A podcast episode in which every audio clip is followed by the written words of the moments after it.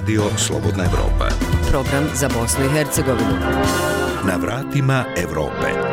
Emisija o evropskim integracijama. Srdačan pozdrav, poštovani slušalci. U ovoj emisiji za vas smo pripremili. Specijalni predstavnik Evropske unije uručio BH zvaničnicima izvještaj o Bosni i Hercegovini na putu integrisanja. On the judiciary, on the chapters 23 and 4, Doslovno nije bilo napretka po poglavljima 23 i 24 i nalazimo se na istom mjestu gdje smo bili i prije godinu dana. Predsjedavajući predsjedništva Šefik Džaferović o izvještaju Evropske komisije.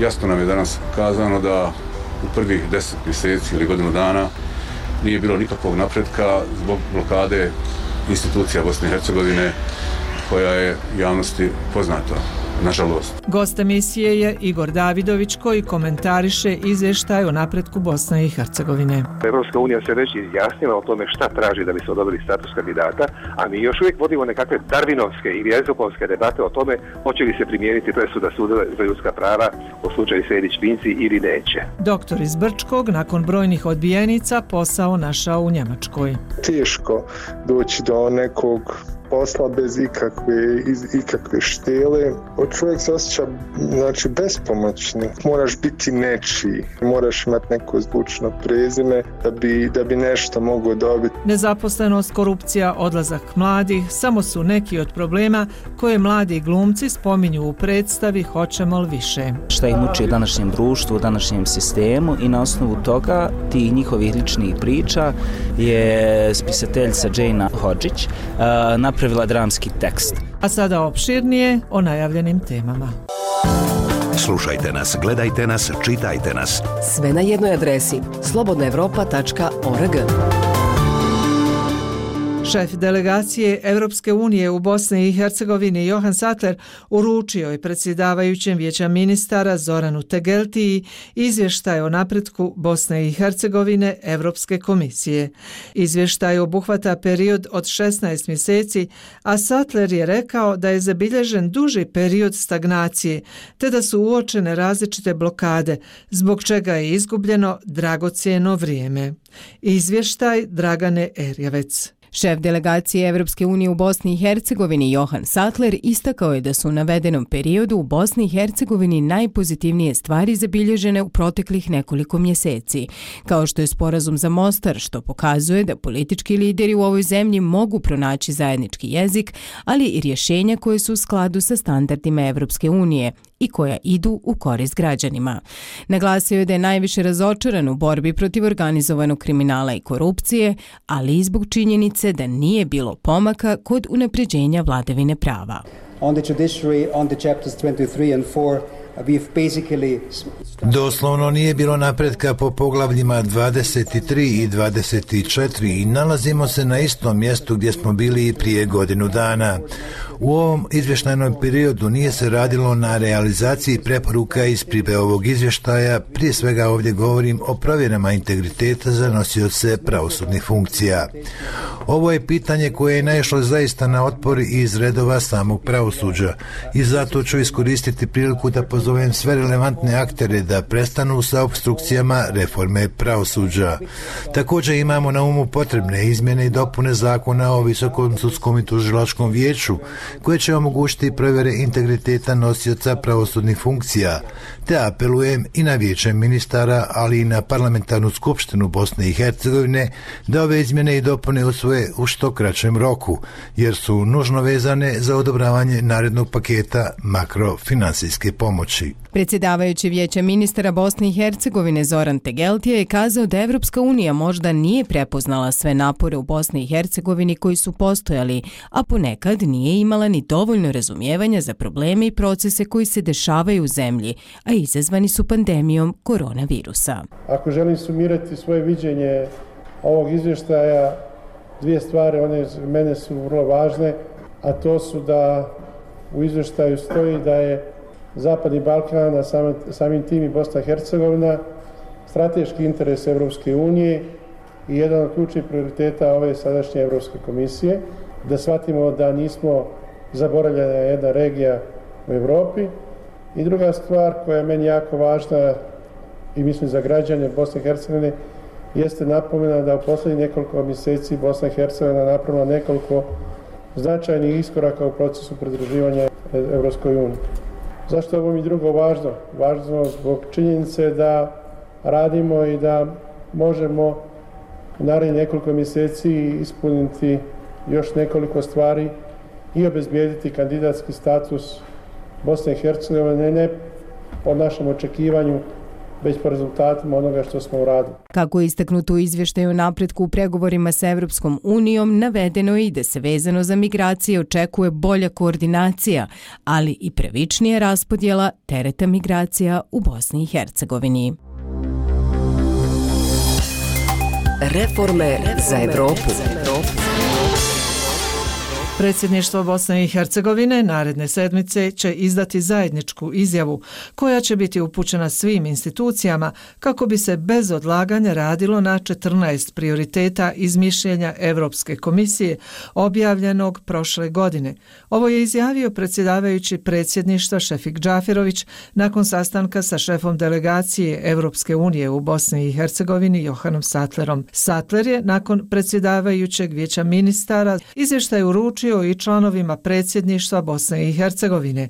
Evo šta su pored ostalog izjavili predsjedavajući Džaferović i član predsjedništva Milorad Dodik. Jasno nam je danas kazano da u prvih deset mjeseci ili godinu dana nije bilo nikakvog napretka zbog blokade institucija Bosne i Hercegovine koja je javnosti poznata. Nažalost, imali smo takvo stanje, jel, kako smo imali sa radom naših institucija, posebno parlamentarne skupštine Bosne i Hercegovine i e, vijeća ministara. Ideja je da se sačini jedna izjava, a, proklamacija predsjedništva Bosne i Hercegovine koja će pozvati sve institucije da a, bez odlaganja i u kontinuitetu svakodnevno rade na realizaciji ovih preporuka kako se ne bi propustila ova šansa, kako bismo a, zaista iduće godine u na ljeto imali kandidatski status. Treba će odbiljan politički razgovor o mnogim temama. U 14 mišljenja i udaljavanje sudija Ustavnog suda stranaca kao i visokog predstavnika. I ako se oko toga dogovorimo, mislim da možemo biti brzo. Ali u svakom slučaju teško će biti doći do promjene Ustava koji se očekuje u ovoj fazi. Ovo je neobičajno za, za proces pridruživanja. Obično se na kraju pred samom punopravno članstvo traži korekcije nekog ustava, nama to traži gotovo na početku. Eurozona. Eurozona. Eurozona. Eurozona. U izvještaju Evropske komisije o napretku Bosne i Hercegovine objavljenom 6. oktobra ustanovljeno je niz propusta u funkcionisanju institucija Bosne i Hercegovine, vladavini prava, borbi protiv korupcije, slobodi izražavanja i upravljanju migracijama. Neke od iznesenih stavova komentariše Igor Davidović, nekadašnji glavni pregovarač Bosne i Hercegovine sa Evropskom unijom i bivši BH ambasador pri Evropskoj uniji u Briselu.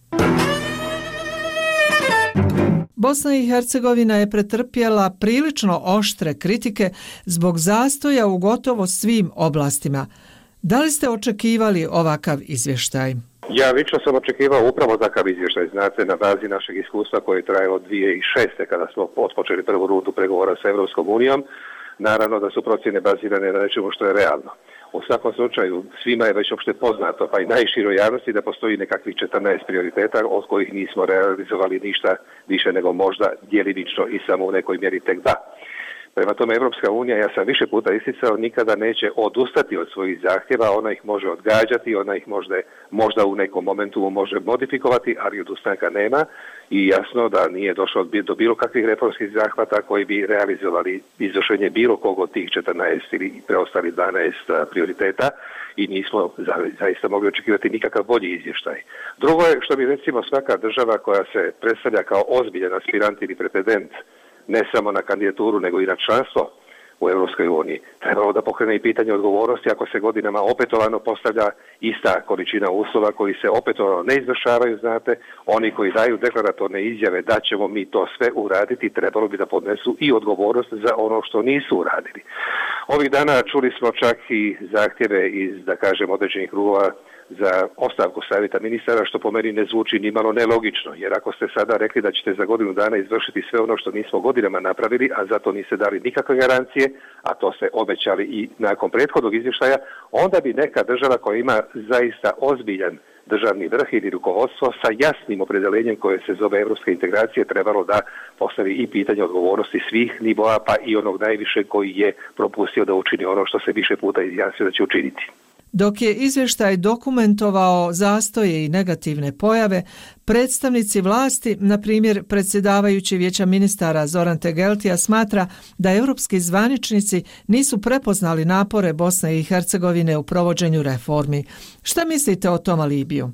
Ne mislim da je to bilo kakav alibi, ja ga smatram čak i poprilično neprimjerenim, pa ne mogu reći i nekulturnim, jer ne može se reći za Evropsku uniju koja ima mehanizme koji su i nama poznati već preko decenije, da nema mogućnost da prepozna naš napredak. Postavljam pitanje, a ko kod nas e, prepoznaje bilo kakav napredak koji bi nas kvalifikovao na vratima Evropske unije?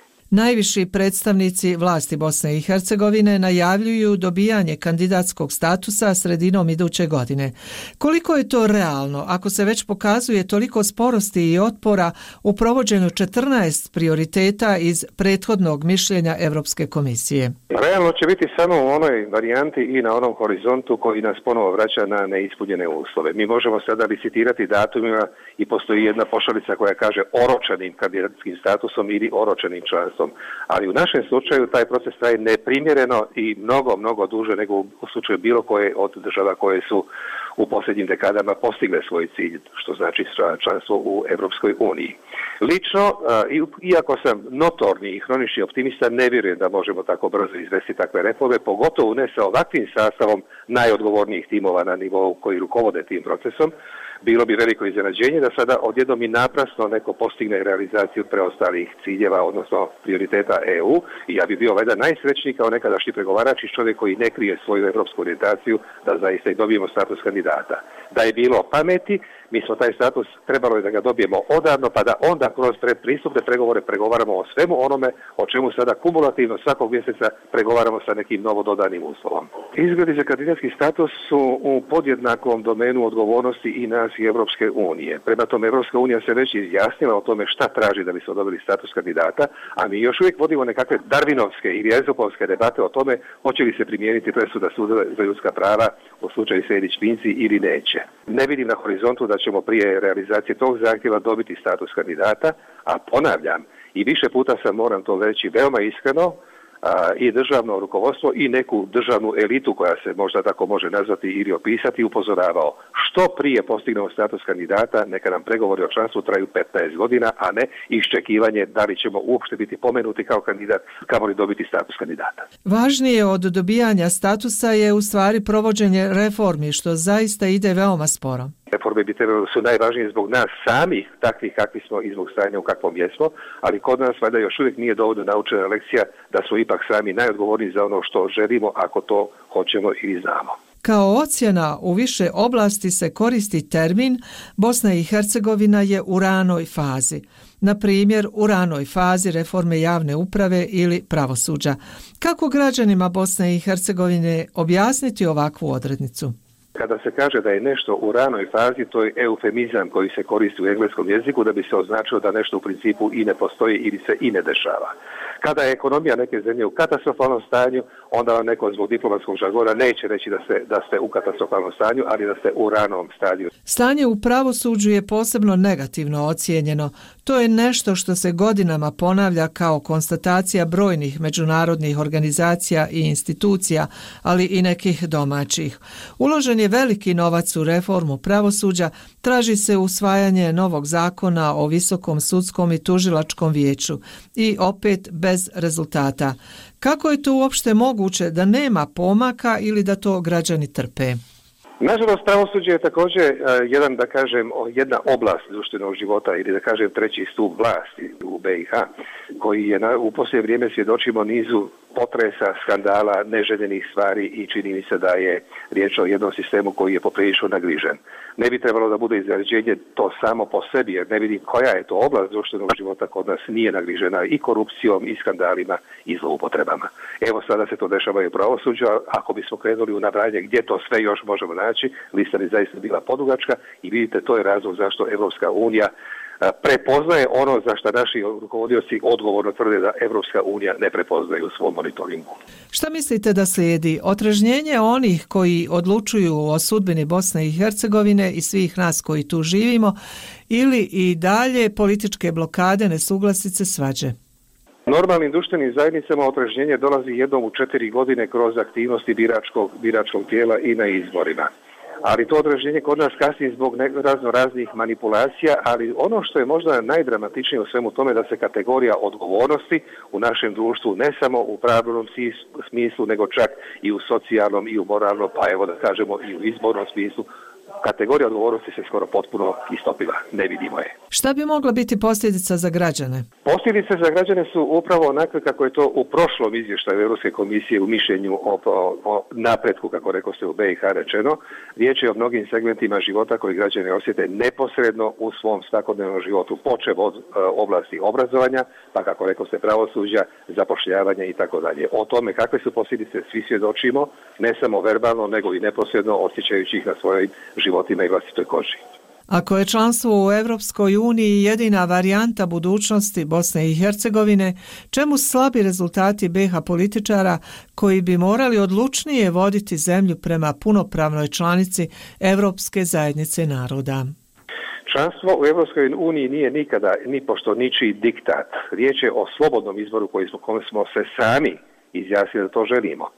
A, naravno da Evropska unija kao ni bilo kakva druga asocijacija, bilo ekonomska, vojna ili politička u istoriji civilizacije nije i ne mora biti idealna. Ali moje kontrapitanje je u redu. A kakav mi koncept ovdje nudimo koji je bolji od koncepta pridruživanja Evropskoj uniji? Na koji način smo sposobni da sami izvedemo tranzicijone ekonomske reforme ili nam zato ipak treba jedan dobar stimulans koji znači pridruživanje EU? Političari u principu kao kategorija, manjinska kategorija populacije kojoj nije tako loše u ovoj državi koliko je loše običnom čovjeku, zaista i nemaju neki neposredni razlog da se priduže Evropskoj uniji jer su e, potpuno zadovoljni svojim ovlaštenjima, svojom moći, svojim, da kažem, e, manipulacijama i svojim efektima i svojim rezultatima. Koliko je to dobro za društvenu zajednicu, mogla bi da pojasni možda nauka koja se zove socijalna psihologija. Govorio je Igor Davidović, stručnjak za međunarodne odnose i bivši ambasador Bosne i Hercegovine pri Evropskoj uniji u Briselu. Slušate program radija Slobodna Evropa. Profesionalno, informativno, zanimljivo. Iako nadležni upozoravaju da je liječnički kadar deficitaran u Bosni i Hercegovini, brojni medicinski radnici svoju budućnost vide u inostranstvu. Taj put je izabrao i dr. Edin Kalesić, koji je ocelio u Njemačku nakon bezuspješne potrage za poslom u Bosni i Hercegovini. Ovaj mladi doktor tvrdi da su ga na odlazak iz Bosne i Hercegovine primorali nepotizam i korupcija, te da mu je Njemačka vratila samopouzdanje i omogućila jednaku šansu za uspjeh. S Edinom Kalesićem je razgovarala Marija Augustinović. Nakon završenog medicinskog fakulteta, Edin Kalesić iz Brčkog pokušavao je pronaći posao u zdravstvenim ustanovama širom Bosne i Hercegovine. Uzalud se, kako kaže, prijavljivao na brojne oglase, jer sve što je dobio bile su odbijenice uvijek kada sam kada tražiš posao ili u Brčkom uvijek moraš biti nečiji. Moraš imati neko zvučno prezime da bi, da bi nešto mogao dobiti. Ja sam se da budem iskren i prijavljivao bukvalno od, od Brčko distrikta preko federacije i RS-a i ono gdje god odeš van Brčkog ono bude pa zašto ti kao dolaziš kod nas? A kad dođeš u Brčko onda i kada ne pripadaš nijednoj stranci, onda si odma niko i niči. I samim tim ona je malo, malo teško doći do nekog posla bez ikakve, ikakve štele čovjek se osjeća znači, bespomoćno. 2014. godine Edin odustaje od potrage za poslom u Bosni i Hercegovini i preseljava u Njemačku gdje je prošao kroz višemjesečni proces priznavanja diplome. Ovaj 36-godišnjak je već nekoliko godina zaposlen u klinici u gradu Vajdenu u kojoj završava i specijalizaciju bukvalno spadamo u rang Zimbabve, a Nikarague ili ne znam ti koje druge države. Znači, naše diplome se apsolutno ne priznaju ovdje. Znači, priznaju se na, nek, na nešto kao određeno ona, i nakon, nakon čega moraš uh, polagati stručni njemački kao državni ispit. Mi na primjer, trebalo tačno 32 mjeseca da završim čitav postupak. Naravno da se malo to produži, ali iskren da budem eh, u BiH se 10 puta više produži i 10 puta se više živaca izgubi boreći sa ne znam nekim vjetrenjačama sa strane. Tako da sam sad pred kraj završetka interne medicine E, moj plan je sad sljedeće godine što mi da izađem na specijalistički ispit. Iako Bosni i Hercegovini nedostaje medicinski kadar, Edin razočarano tvrdi da u sistemu u kojem dominiraju nepotizam i korupcija za osobe poput njega nema mjesta. Odlaskom je, kako kaže, dobio novu životnu šansu jer je došao u zemlju u kojoj prezime i članstvo u političkoj stranci nisu mjera uspjeha više sam bio stranac u vlastitoj zemlji zato što nisam nigdje, ni, nigdje pripadao i ono, morao sam da biram strane. Ovdje ne moram nikakvu stranu da biram, ovdje samo moram da radim, da se dokažem. I onda čovjeku bude lakše, nema taj pritisak, ono, ima se na jednu stvar fokusirati. Znači osobe ovdje malo više cijene rad i trud i na osnovu toga se uvijek mogu dobiti određene pozicije koje su, možemo reći, malo bolje. Iako ne isključuje ni jednu poslovnu ni životnu mogućnost, o povratku u Bosnu i Hercegovinu za sada ne razmišlja. Život i rad u Njemačkoj su mu, kako ističe, dali samo pouzdanje i hrabrost da karijeru nastavi graditi u bilo kojem dijelu svijeta. Nostalgije, da budem iskren, bude. Naravno, određene stvari nedostaju. Ne bi sada ni jedan plan na svom životu da prekrižim. Sve je moguće i sve zavisi od, od situacije. Znam da ima mogućnost da mogu otići ili u Englesku, ili u Švicarsku, ili bilo gdje drugo u Njemačku. Znači, smatram da sve osobe, da, da su osobe iz BiH izrazito i pametne i vrijedne, e, samo što nekada znamo sami sebe s tim sputat, da trebamo jednostavno spakovati kofere i probati nešto drugo. Podaci Agencije za statistiku BiH i Unije za održivi povratak i integracije u BiH pokazuju da je od 2013. do 2019. godine Bosnu i Hercegovinu napustilo 530.000 stanovnika. Pored toga što odlaze iz države, mnogi građani se odriču BiH državljanstva. Na vratima Evrope. BiH građani u Evropi.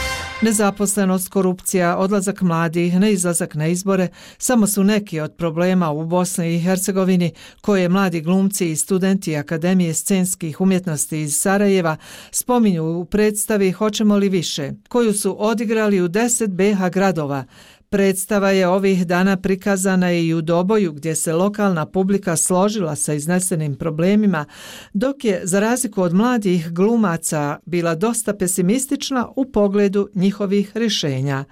Na ovoj zanimljivoj predstavi bio je i naš reporter Arnes Grbešić koji je zabilježio. Predstava Hoćemo li više prikazuje probleme mladih u današnjem iskvarenom sistemu i razbija stereotipe koji su prisutni u njihovoj svakodnevici. Tako udruženje dramskih umjetnika Al Teatar Sarajevo opisuje priču smještenu u zapuštenom domu kulture, gdje grupa mladih svata da nije pozvana da ga uredi za svoju predstavu, nego za predizborni skup. Samo u našoj državi prvo radno iskustvo ne možeš dobiti u struci, jer ti trebaju četiri godine iskustva. A zato za poziciju ministra ti ne treba ni dan iskustva tako i sa kandidaturom za gradonačelnika. Kod nas samo za politiku ima kandidata i ni za šta drugo. Kod nas ne možeš obični flaster u apoteci kupiti bez recepta, oni respiratore na crno nabavljaju.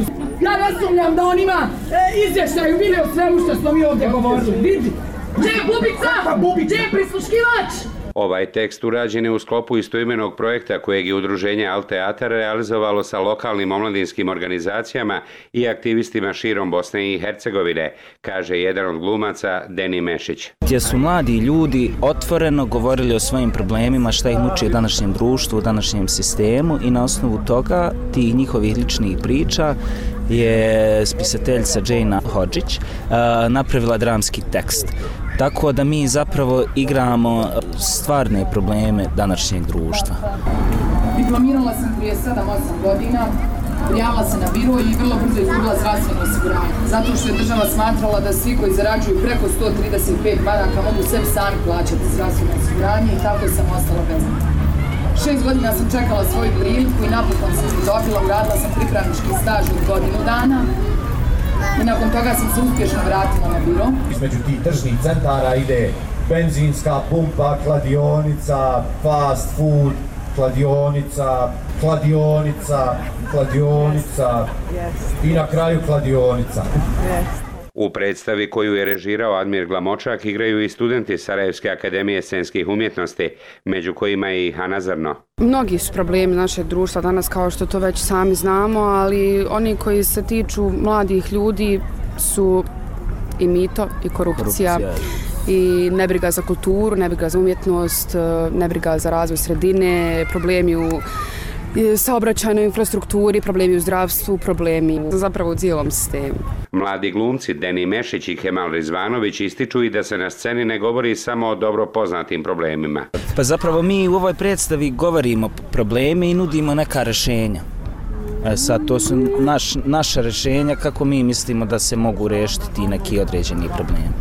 Pa evo već na sljedećim izborima, prije svega moramo izaći na izbore. Moramo barem poništiti naš glas ako nas već ne zanima politika. A ne bi trebalo da nas ne zanima politika jer mi se možda ne bavimo politikom, ali politika se ite kako bavi nama. U svakom dijelu našeg života i to ćemo shvatati sve kako više odrastamo. Što više što prije shvatimo, lakše će nam biti. Znate li da je na prošlim izborima u našoj državi na glasanje izašlo samo 54% građana? I znate li da je manje od 20% građana izabralo trenutnu vlast? Student glume Harun Čehović. Mislim da je potrebno da dođe neka hrabra generacija. Nemamo, mislim, mi šta više čekat, mi trebamo biti ta hrabra generacija koja se neće uklopiti u taj neki kalup o, o, o, mita, korupcije, nacionalizma, radikalizma, bilo čega. Uh, trebaju hrabri ljudi ja ovo koliko evo mi putujemo sad na, na ovoj turneji već nekih 15 dana upoznali smo dosta hrabrih ljudi mislim samo da je uh, da je poenta da, da, da se ostane hrabar do kraja i da se ostane iskren prema sebi prije svega Za razliku od mladih glumica i glumaca, građani Doboja su dosta pesimistični u pogledu rješavanja bosansko-hercegovačkih problema, govore mladena Miroslava Mihajli Đorđe. Zanimljivo je da su mladi ljudi ovako nešto da radi, da, da govore o današnjoj našoj svakodnevnici u suštini. Pa hoćemo mi više, samo ne znam kako. Mi svi kažemo hoćemo, trebamo, moramo i onda ništa. Tu ovdje svakodnevnici, o tom, o tom se ne, i ne treba pričati. Dok je god ovo, ovo ovako stanje na, na, u zemlji.